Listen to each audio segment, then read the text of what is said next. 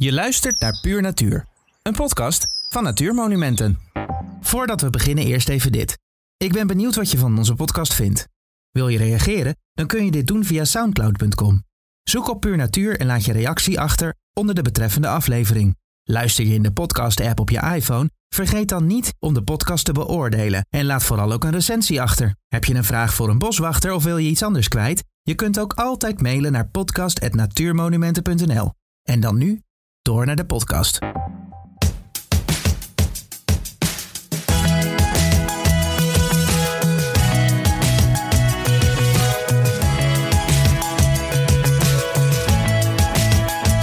In het Waterloopbos hebben Nederlanders leren werken met water. Onze wereldwijde bekendheid als waterland danken we aan al het onderzoek dat in dit bos in de Noordoostpolder heeft plaatsgevonden. Samen met Norbert Quint wandelt Frans Boscher door het bos vol waterloopkundige modellen die aan de basis stonden van onder andere de deltawerken.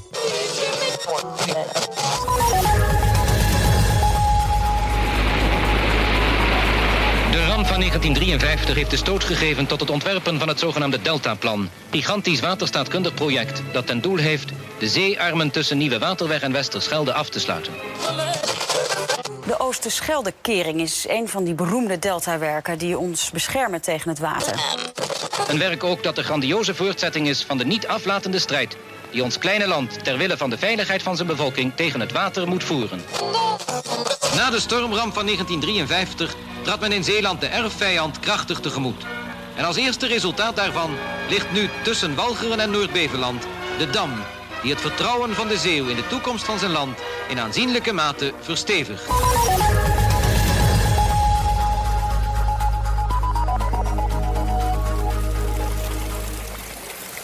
Norbert, het, het lijkt wel of we hier een film van Indiana Jones zijn binnengewandeld. Wat is hier gebeurd?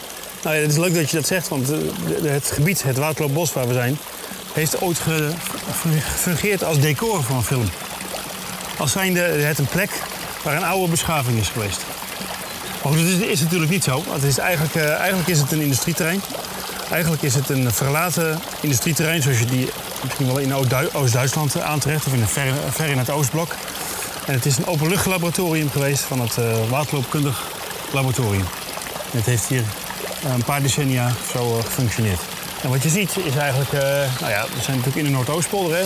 Die is in 1942 drooggevallen. Dus eigenlijk allemaal al kunstmatig eh, deel van Nederland. Maar wat er later aan toegevoegd is, is wat, waar we nu voor staan, dat stromende water wat we horen. Die bouwwerken, die, die, stuwen waar we hier voor staan, al dat betonwerk. Dat is natuurlijk allemaal menswerk. Het is allemaal toegevoegd eigenlijk aan het, aan het bosgebied wat hier in de jaren 40 is, is aangelegd. En dit is eigenlijk de basis geweest, de- water aan- en afvoer eh, voor de waterloopkundige modellen. Voor dat onderzoek wat hier heeft plaatsgevonden. En, en- en wie heeft er destijds bedacht om hier een buitenlaboratorium eh, eh, aan te leggen? Nou ja, de eerste directeur, dat is, en dat is een heel mooi verhaal natuurlijk ook. daarin komen, komt het Waterloopkundig Instituut en het Waterloopbos en Natuurmonumenten bij elkaar. Dat de eerste directeur van het Waterloopkundig Instituut was eh, de zoon van Jacques P. Dat is natuurlijk fantastisch. Dat was in 1927, een hele rare tijd. En je moet je voorstellen dat, eh, dat onze Thijssen was toen nog heel druk eigenlijk. eh, het is hetzelfde verhaal, ik heb ook in het Wingelde Veld gewerkt. En dan was het eigenlijk het verhaal dat in 1927, eigenlijk in datzelfde jaar... Jacques P., onze founding father, door Drenthe liep. En die dacht van, oh hier worden gronden ontgonnen. Hier worden de woeste gronden ontgonnen. En dit, hier moet een stop aankomen. Dus in datzelfde jaar als eigenlijk dat Jacques P. Thijssen eh, initiatief nam om het Wingelde Veld aan te kopen... werd zijn zoon directeur van een instituut... wat eigenlijk natuurlijk een beetje een soort van de afbraak van natuur eigenlijk... eh, eh, ja, nou ja, heeft veroorzaakt wil ik niet zeggen... maar er werd nagedacht over het rechttrekken van rivieren... over het versterken van kusten... over het verminderen van dynamiek in rivieren. Ja, allemaal dingen die uiteindelijk de natuur misschien niet ten goede kwamen. Nee. Tegelijkertijd was zijn vader heel druk bezig om Nederland, het groene Nederland te redden. Het is een heel spannend verhaal eigenlijk. Ja. ja. En hoe is dat tussen eh, vader en zoon afgelopen? Ja, eh, letterlijk zullen we dat nooit weten. eh, Want wij waren natuurlijk nooit bij de kerstdiners waarin dat aan de orde kwam. Maar we kunnen ons echt heel goed voorstellen dat dat best wel, eh, best wel eh, spanning opleverde. En toch is het zo dat eh, dus de, eh, de, de zoon van Thijssen is tot in, meen tot 1961 directeur geweest. Hier in het Waterloopbos eh, zijn een aantal vrijwilligers die hem gekend hebben. Die hebben de zoon van, van Jacques Petijs gekend. En die zegt, ja, die kon toch merken dat hij uit een groen nest kwam. Want met de aanleg en van, de, van die modellen die hier gebouwd zijn... en van die waterpartijen... werd het toch spaarzaam, zo weinig, mogelijk werd de begroeiing weggehaald. Dus er zat wel een groen hart, maar de man had gewoon een passie voor, voor, voor, voor, uh, voor waterbouwkunde, voor de waterloopkunde, voor het onderzoek daarnaar. En op een manier de delta Nederland bewoonbaar en, en, en, en beleefbaar te houden. Kijk, en als je dan hier ziet, we staan hier, dit heet een opgeleide sloot. Dus met, via dit water werd het gebied eigenlijk vanaf het uh, Volhovenmeer, waar het water wordt ingelaten in het Waterloopplas, door het hele gebied verspreid. Dus dit is aangelegd eigenlijk als een soort infrastructureel uh, infrastructurele sloot, zou je kunnen zeggen. Nou, als je dan nu kijkt hoe die, die begroeiing is met die lelies hier, met die, uh, met die lisdobbers, met dat riet, met de, de ruigte van de natuur. Ja, dat is prachtig hoe dan eigenlijk die uh, cultuur en de natuur hier met elkaar verweven zijn.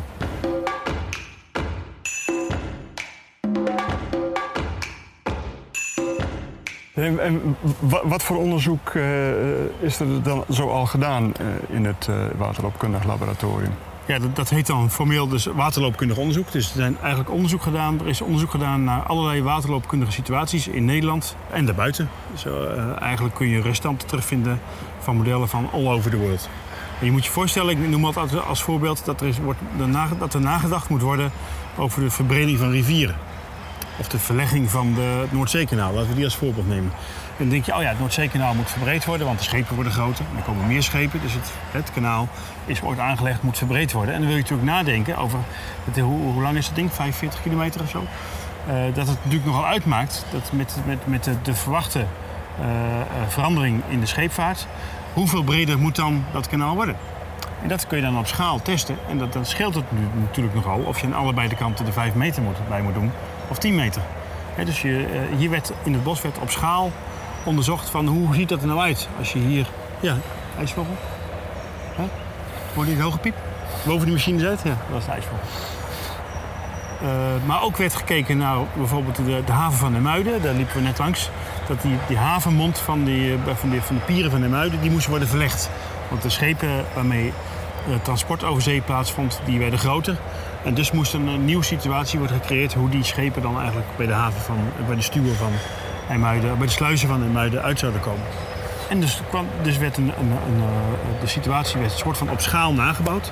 Het was geen Madurodam. Dus de, de oud-medewerkers die bij ons vrijwilliger zijn, die zeggen ja, de, de, de, de situatie die onderzocht werd, onderzocht werd, werd zo beperkt mogelijk nagebouwd. Dus alleen hoofdlijnen en ongeveer de, de ligging van de, van de pieren van de muiden.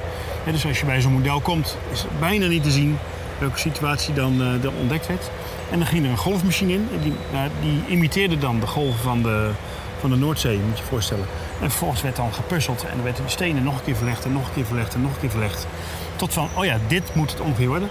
En dan ging uh, de schets, zeg ik altijd maar even huiselijk gezegd, naar de, naar de waterbouwkundige en dan werd het ontworpen.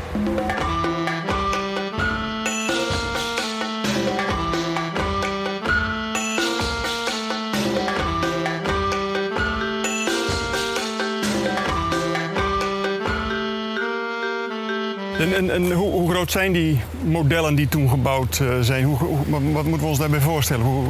Ja, je moet je voorstellen dat het, uh, uh, wat ik zei, de, de Noordoostpolder is in 42 drooggevallen. En vanaf 1944 is hier bos geplant. In dat bos, dus gewoon van voor tot achter, was dit gewoon een aaneengesloten loofbos. Met gemengd, gemengde soorten, met heel veel verschillende soorten. dus dat bos was lekker aan het groeien. En dat bos zou dus ook voor de onderzoeken luwte gaan bieden. Dus hoe je, moet hoe je voor moet stellen is dat in het bos gewoon open plekken werden gekapt van ongeveer 50 bij 50 meter. En daar werd dan een model. Dan had je eigenlijk een modelplaats. Mm -hmm. Zeg maar een open plek in het bos waar je onder, onderzoek kon doen. En in die uh, modelplaats kon je dan een model bouwen. Je kon dan de, de Deense, uh, Atlant de Deense Noordzeekust nabouwen. Of je kon uh, de IJmuiden nabouwen. Of je kon de Maasvlakte nabouwen. En dat was dan in die plekken van 50 bij 50 meter. En wat zijn nou de belangrijkste onderzoeken geweest die hier uitgevoerd zijn? Nou, ik denk dat het allerbelangrijkste uh, toch wel is de resultaten die geboekt zijn voor uh, onderzoek aan de deltawerken. Ik denk dat dat wel uh, het meeste afstraalt op het gebied en dat ook wel een groot deel van Nederland, en zeker van de delta, een soort van schatplichtig is eigenlijk aan het onderzoek wat hier, wat hier gedaan is.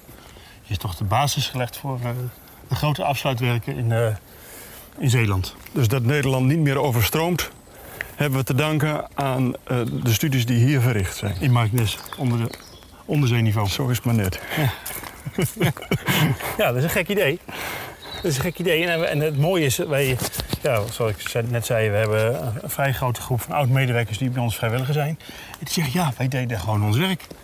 En dat dit nu, dit openluchtlaboratorium, nu Rijksmonument is, daar stonden wij natuurlijk geen dag bij, geen moment bij stil.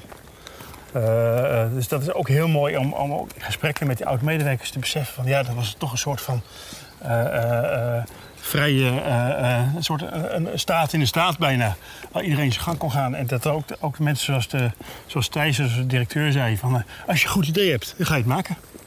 Dus zoals een van de oud-medewerkers in een interview, toen, we, toen we een boek aan het maken waren, het maken waren ze hebben oud-medewerkers geïnterviewd en een daarvan zei: hier heerste de Pippi mentaliteit. Dan was ik dat zelf even vergeten wat Pippi Langkous ook weer zei, maar die zei: ik heb het nooit gedaan, dus ik zal het wel kunnen. En dat is fantastisch. En dat is natuurlijk echt ook eigenlijk wat heel erg past in de totale pioniermentaliteit die natuurlijk in zo'n uh, in zo'n polder hangt. Dat moet ook voor de, voor de werksfeer wel iets betekend hebben destijds. Ja, dat was, dat was natuurlijk een, een, eh, ja, een, een sfeer van ja, alles kan. Hè, kom met een goed idee. En uh, dus een enorme creatieve sfeer. Enerzijds en anderzijds, ik ben er natuurlijk niet bij geweest, was het wel natuurlijk een, een omgeving van beta's. Hè, dat waren natuurlijk allemaal uh, technische, technische mannen met uh, gepofbroekt. En, en, en stijve bloesjes in de jaren 50. En later een spijkerbroek en een, en een geruit t-shirt. En, en een baardje en overstik. En ja, dat was wel een soort homogene populatie van, van mannen. En, ja, pas later kwamen natuurlijk ook vrouwen. Het waren natuurlijk al eerder wel vrouwen, maar die hadden vooral ondersteunende functies. En later kwamen er pas ook vrouwelijke medewerkers natuurlijk in het meer technisch onderzoek. Ja. Nou, er is twee jaar geleden een, een soort van oral history onderzoek geweest. En heel veel oud-medewerkers geïnterviewd. Heeft dat mooie verhalen opgeleverd? Ja, dat is natuurlijk fantastisch. Die oud-medewerkers die zeiden al, van is een deel al ver in de 70. Die zeiden, jullie moeten die verhalen van ons aftappen. Want wij zijn er straks niet meer en dan zijn die verhalen misschien weg. En een van die verhalen was zeker uh, dat verhaal over uh, nou, de Pippi mentaliteit.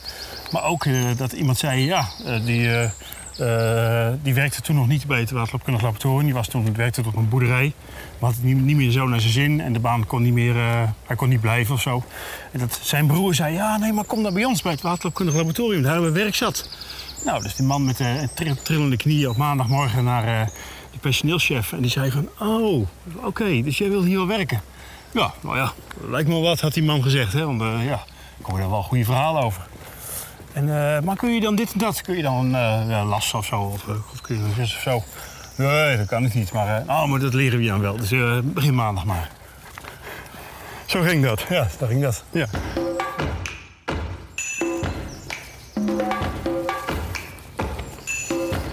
Dus nou, hier hebben we toevallig een oud-medewerker. Ja. ja. ja.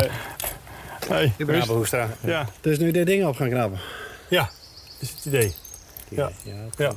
En het, uh, dit ding is ook wel redelijk goed gelieerd aan, zeg maar, aan het Rijksmonument. Dat is die Delta Groot. In principe niet. Hè. ik bedoel, het, het Rijksmonument is een wederopbouwmonument ja. eigenlijk. Zeg maar. En dit heeft nog wel mee. Dit is speciaal voor de Deltawerken in het, uh, in het leven geroepen, dit ding. Ja. Want wat onderzoek is er, welk onderzoek is er in dit nou, model Het is hier eigenlijk de, het, is een faciliteit voor algemeen gebruik, want je kan er hier van alles mee. Het is gewoon een rechthoekige bak was het met waar je golven in kan maken en water doorheen kan laten stromen. Maar die is in het begin vooral ingezet voor uh, de blokkendammen in de Grevelingendam en zo. Hè. We hebben een aantal in Zeeland bij de Deltawerk een aantal dammen aangelegd met uh, kabelbanen. Uh, er hingen gewoon gondels aan, aan die, die, die reden daarover. En die hingen aan die kabels en die hadden aan de onderkant hadden die betonblokken eronder. Ik dacht dat ze er zijn een stuk of tien per keer mee konden nemen. Tien van die betonblokken van een meter bij een meter bij een meter. En die werden gewoon in een sluitgat gestort. En op een gegeven moment komt dat sluitgat vanzelf boven water natuurlijk. En als je nou maar voor het stormseizoen klaar bent, dan heb je je gat gesloten. Ja. Nou, en hier is onder andere gekeken naar de stabiliteit van zo'n dam. Want je kunt wel blokken storten, maar het moet wel stabiel zijn. Ja. En die blokken moeten ook een beetje blijven liggen waar je dacht dat ze zouden gaan liggen. Want je moet ook redelijkerwijs kunnen bepalen hoeveel blokken heb ik nodig. Want je wil er niet te veel maken, maar als je er tekort komt, dan ben je te laat. Hè? Ja. Want het moet natuurlijk in een hele korte periode moet dat gedaan worden. Je moet in het voorjaar beginnen. Je moet voor eind oktober, begin november moet je klaar zijn. Dat is het zogenaamde. Het, het stormseizoen is, is echt een begrip hè, bij eh, waterbouwers. Er is niet een speciale datum voor. Er wordt niet gezegd van nou dan begint het stormseizoen, maar er wordt altijd gezegd van het moet voor het begin van het stormseizoen moet het klaar zijn. En dan is er geen datum. Maar iedereen zo. voelt op zijn klomp aan wanneer het Ja, is. Ongeveer, is- ongeveer ja. 1 oktober. Ja. Ja. Ja. En dat, dat, dat, dat type onderzoek is dus hier allemaal uitgevoerd. Ja, en later is dat ding natuurlijk voor van alles en nog wat gebruikt. Hier hebben heel veel eh, havendammen in gelegen. Want dat is eigenlijk een beetje hetzelfde type onderzoek. Hè? Van, die, van, die, van, die, van, die, van, die, van die pieren, die aan, of die koppen van havens en zo hebben er hierin gelegen. Nederlandse en ook buitenlandse. Karachi en eh, Pakistan bijvoorbeeld. En heel veel eh, boorplatforms. Ze hebben er hierin in, in gestaan. Eh, niet het blad- platform zelf, maar de poten waarmee die op de grond staan natuurlijk. Op in de grond. En hier is naar gekeken naar de stroming rondom die poten en zo. En, eh, dat soort dingen. Want ja, je kan wel iets op de grond eh, neerzetten, maar als er ook stroming is, dan verdwijnt de grond er weer omheen natuurlijk. Zijn die platforms weer niet stabiel. En er is altijd wel wat. Ja. Ja. Nou, dat hebben we gedaan met die 6, 2, 4, 6, 7 golfmachientjes zijn er. Ja, 7, Ja, 7 ja. En er zat ook een overkapping overheen. En in het begin, het is begonnen als een open faciliteit, zoals je er nu ook bij ligt. Gewoon open. Alleen er zat ook nog water afvoermogelijkheden aan deze kant. Die zijn nu eh, zo goed als verdwenen. Dan zullen we ook iets op moeten verzinnen bij, straks bij de Dat zit verbouwing. erbij. Ja. Want er Ja. moet weer wateraanvoer komen Ja. aan deze kant. Ja. Het water kwam er van die kant af in. Want ik heb jou net op een gegeven moment iets zien, foto's zien maken bij die Romeinstuur of zo. Maar daar komt het water dan binnen. En langs die zijkanten en deze zijkanten, waar die eigenlijk die het lijken rails, maar daar konden ook schotten in. Zodat je het water kon sturen door die bak heen. Want je kan die golfmachines natuurlijk niet verzetten. Nee. Dus als je een stroom een beetje in een Ja. andere richting Ja. wilde hebben, dan eh, maar deed je andere schotten open aan die kant en aan deze kant. Want het stroomt natuurlijk gewoon van, eh, dan op een gegeven moment gewoon schuin over erdoorheen. Ja. Als we ook het eh, model bijvoorbeeld eh, een andere, andere golfrichting in wilden hebben, dan konden we de golfmachines niet verzetten. Maar dan moest het hele model van zijn plek gedraaid worden. Ja. ja. Wat ja, helemaal eh, opnieuw gebouwd. Werd het. veel werk kan Dat zijn. opnieuw Ja. ingelegd. Waar je nou aan het eind die betonnen poertjes ziet staan, dat was eigenlijk het eind van het gebouw. Ja. En je ziet daarachter, daarachter zie je nog de, de, een meetbrug staan. Die, die staat eigenlijk buiten het gebouw en die loopt daar over rails. En mensen vragen zich altijd af, wat heeft dat ding daar nu gedaan?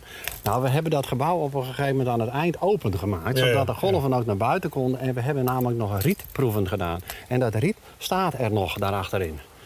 De, op een gegeven moment zijn we gaan kijken of we dijken ook niet konden beschermen met behulp van natuurlijke materialen. Zoals bijvoorbeeld riet. Want eh, rietwortels maken natuurlijk een hele mooie dichte laag. Ja. En die proeven zijn hier gedaan. Maar dat riet moest natuurlijk buiten staan, want dat moest eh, gewoon groeien uit zichzelf natuurlijk. Dat zijn de laatste proeven die hierin gedaan zijn, die rietproeven. En daarom staat die meetbrug daar ook. Die staat er nu weer keurig netjes op de rails. Die, eh, Een gele kwik. Ja. ja? Die, ja, die eh, Ja. een vlinder, eh, die Ah. hoort ook een ijsval. ja, je hoort een ijsvogel. Ja. Titi, titi. Goed, ik loop even verder. Ja. We gaan even kijken of ik nog wat weidebeekuffers kan vinden daar verderop vast. Oh, in de Maasvlakcentrale. Ja, eh, ze zijn tegenwoordig echt overal. Ja, hier bij de, bij de, bij de, Bij de beek. Ja. En, eh, en, die, en die grote grande oerspin die zit ook werkelijk het hele bos door onderhand. Als je weet waar je naar moet kijken, dan kun je ze vinden. Ja, dat is- geldt voor heel veel Dat dingen. geldt voor heel veel dingen.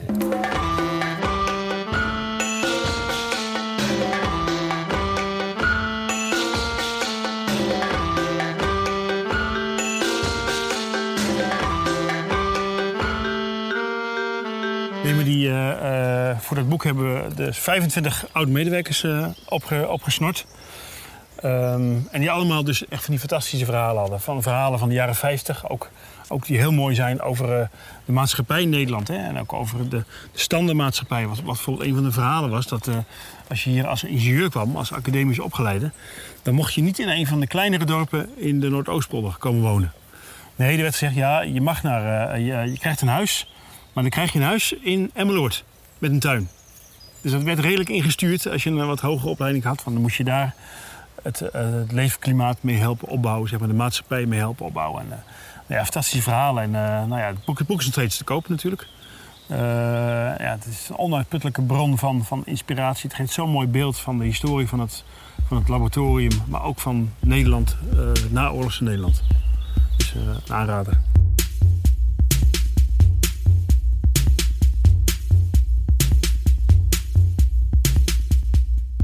Ja, en wat hebben het laboratorium alle, alle modellen, dus de bouwwerken die hier in het bos hebben gestaan, nou betekend voor, uh, voor de natuur? Wat natuurlijk heel mooi is, dat je eigenlijk moet bedenken, het, het bos is gewoon aangeplant in 1944. Uh, vanaf 1944.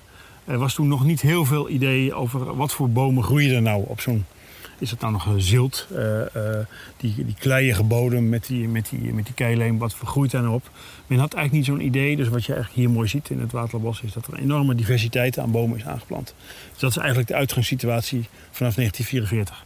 En dat vanaf, vanaf de begin jaren 50 dus dat het waterloopkundig laboratorium is gekomen. Je moet je voorstellen, als dat er niet was, we staan nu voor het model, een open, open plek met water midden in het bos. Dat zou dit gewoon een loofbos zijn. Mooi, hè? mooi. Gewoon een aaneengesloten uh, loofbos met verschillende soorten. Gemengd loofbos uh, noemen we het dan. Uh, maar ja, we kunnen ons eigenlijk bijna gelukkig prijzen dat het waterloopkundig laboratorium is gekomen. Want het heeft een enorme boost gegeven aan de diversiteit in het, in het gebied. Als je hier een wandeling door, dat, door het gebied maakt, dan zie je dus, zoals eigenlijk dit model waar we hier voor staan, dat is eigenlijk een soort open plas. Ja, wij zien er een betonrand omheen, maar dat is een ijsvogel die we net hoorden. Die misschien zo meteen nog even langs komt vliegen. Ik denk, nou, mooie open plas in het bos. Hè? Dat is uh, het broedgebied uh, of het gebied waar ik kan leven. En dat zo geldt ook dat we langs plekken zijn gekomen waar water stroomt. Waar het soms snel stroomt of langzaam stroomt. Waar bladeren in het water liggen. Waar dode, dode stukken hout in het water liggen. Die allemaal enorme bijdrage hebben geleverd aan, de, aan het vergroten van de biodiversiteit dan, in dit gebied. Dus dank aan, uh, aan degene die dit, die dit hebben aangelegd. En wat voor bijzondere soorten komen hier dan voor? Nou, zo'n ijsvogel is, is, daar echt een heel goed voorbeeld van. Maar ook dat op alle plekken waar het water een beetje stroomt, zien we nu weidebeekjuffers. Hè. Dat is een soort, uh, dat is geen libel, maar het is een juffer. Uh, die echt houdt van, van stromend water. De grote gele kwikstaart, die we net even aan de overkant zagen, een insect uit de lucht zagen, zagen snappen. Echt een karakteristieke vogel van, van stromend water. De tongvaren, die, uh, het is een, vrij schaarse varensoort. Die houdt van beschaduwde, steenrijke plekken. En die, die afvoergoten waar het water doorheen stroomt, die zijn beschaduwd door bomen. Dus onderin aan de waterlijnen is het vochtig en is het, en is het donker. De ultieme groeiplaats voor zo'n tongvaren. maar met name de hoeveelheid libellen en ook de enorme hoeveelheid aan, aan paddenstoelen ja, dat, zijn echt, dat is echt te danken aan de aanleg van het, uh, van het uh, laboratorium hier in het bos. Omdat ook, nou ja, we noemen het water. Het water is toch het meest karakteristiek. Ook het geluid van water, wat een bijdrage levert aan de, aan de beleving van het, uh, van het gebied. Daar. Je hoort overal waterstromen. Maar ook dat hier natuurlijk proeven werden gedaan met bijvoorbeeld, ik zeg, zeg maar wat, met water wat door de IJssel stroomde. En er werd er zand uit de IJssel gehaald, of er werd klei uit de IJssel gehaald. En dat werd hierheen gebracht. Dus die is hier ook op die manier kunstmatig natuurlijk. Maar ja, op de Oostpolder is natuurlijk alles kunstmatig. Uh, kunstmatig werd, het, werd sediment toegevoegd waar weer allerlei andere planten op konden, konden groeien. En, en, en met, dat, met die grond die aangevoerd werd, kwamen ook, ook zaden mee? Kwamen, kwamen bijvoorbeeld zaden mee, ja precies. Of zaden die door de lucht uh, kwamen aanwaaien. Die konden ineens op dat zand uh, groeien wat eerder niet kon. Dus, dus we staan hier voor een heel afwisselend rijk bos. Enorm. Enorm. Als je kijkt naar het, het gebied is 120 hectare.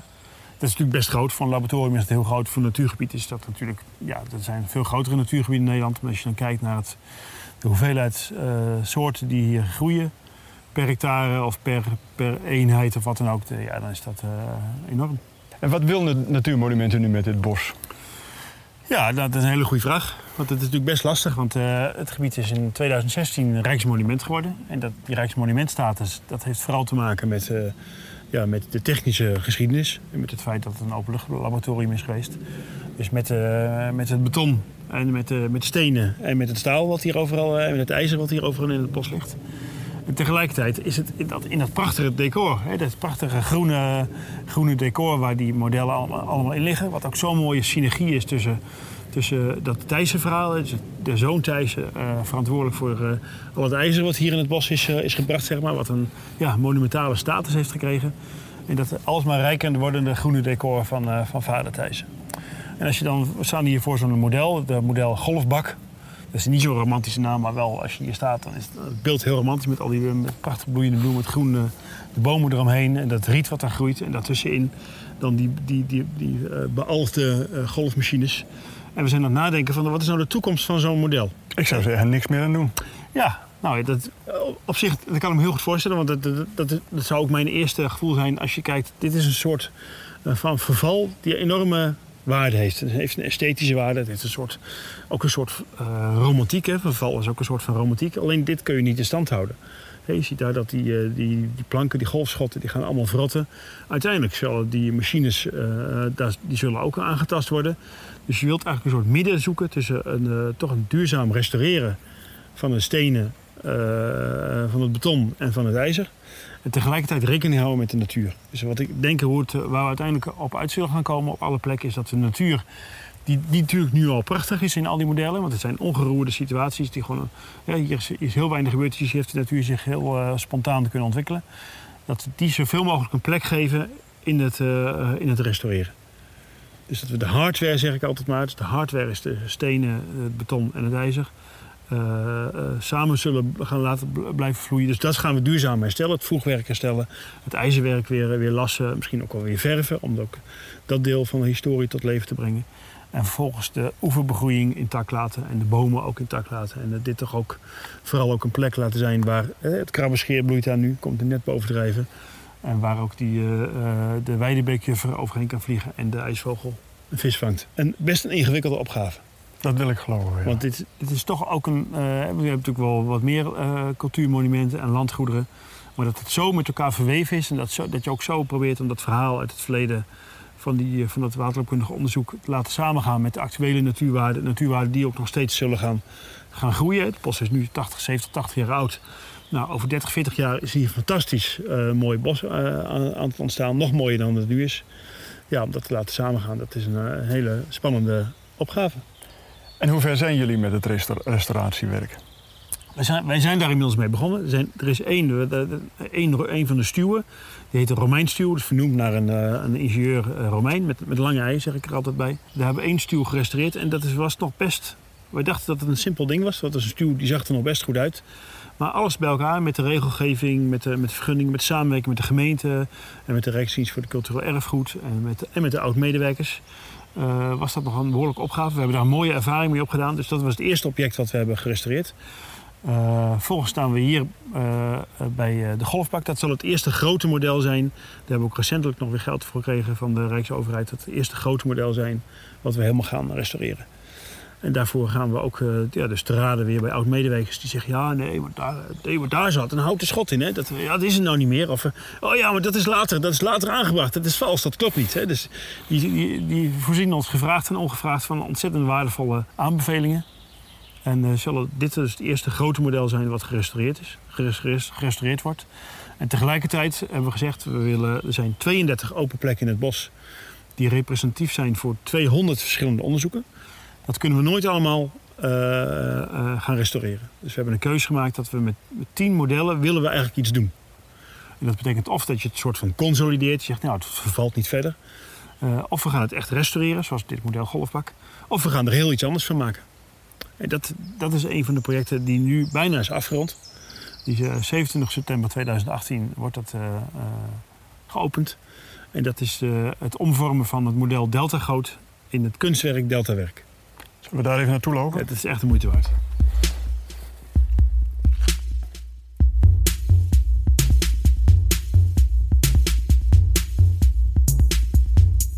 Delta-monument in Wording. Waarom een Delta-monument? Uiteindelijk zeggen we, ja, het is wel een monument, maar het heet Deltawerk. Ja, dit is eigenlijk het allergrootste model wat hier in het bos ligt. Dat is uh, ja, een betonnen bak kun je zeggen, heel plat gezegd. 200, 200, dik 200 meter lang, 5 meter breed en 7 meter diep. Een gigantische betonnen kolos die wij uh, een paar jaar geleden hebben overgekregen van, uh, van Deltaris, de opvolger van het waterloopkundig laboratorium.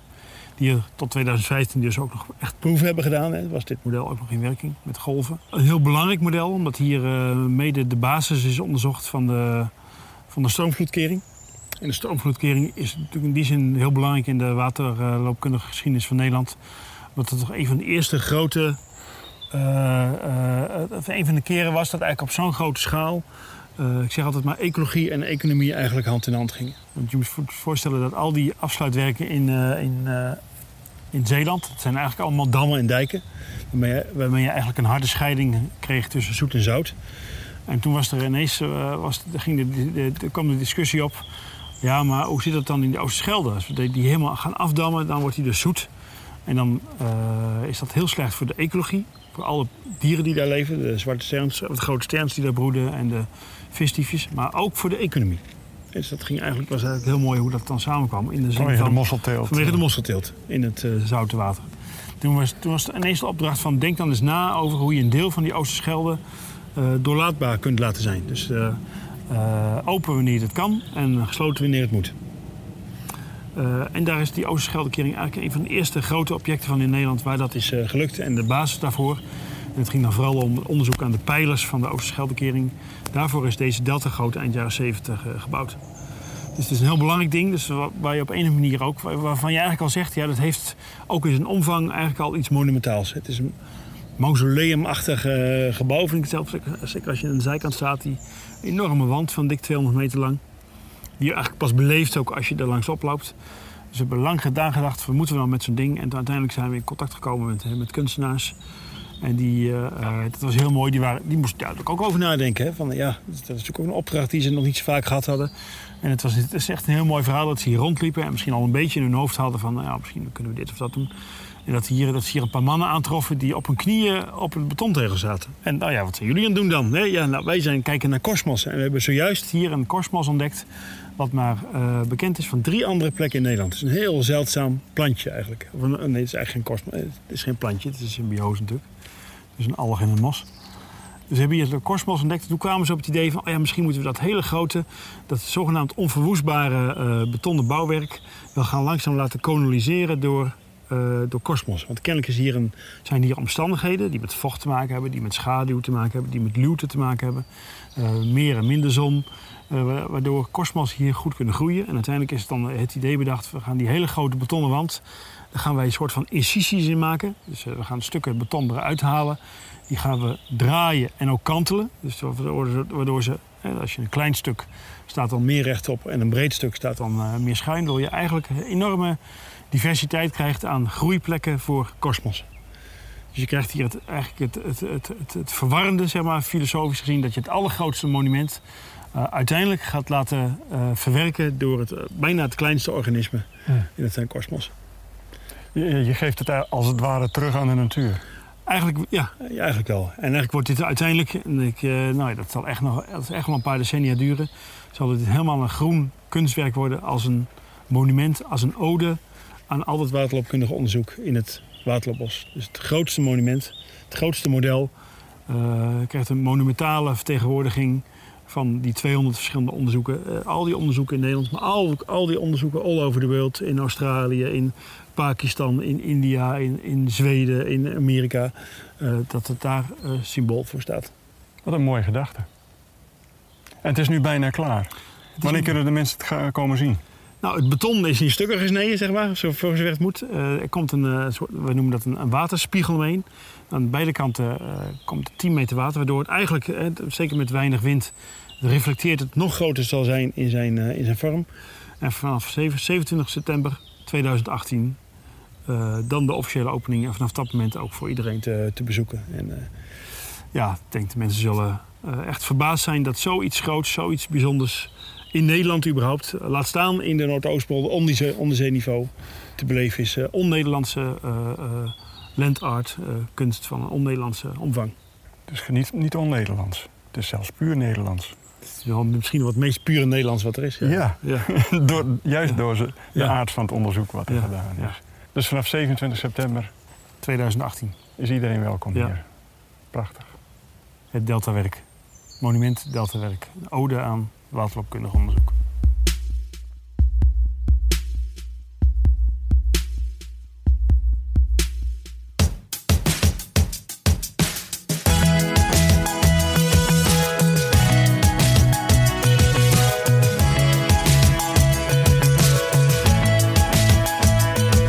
Bedankt voor het luisteren naar deze aflevering van Puur Natuur.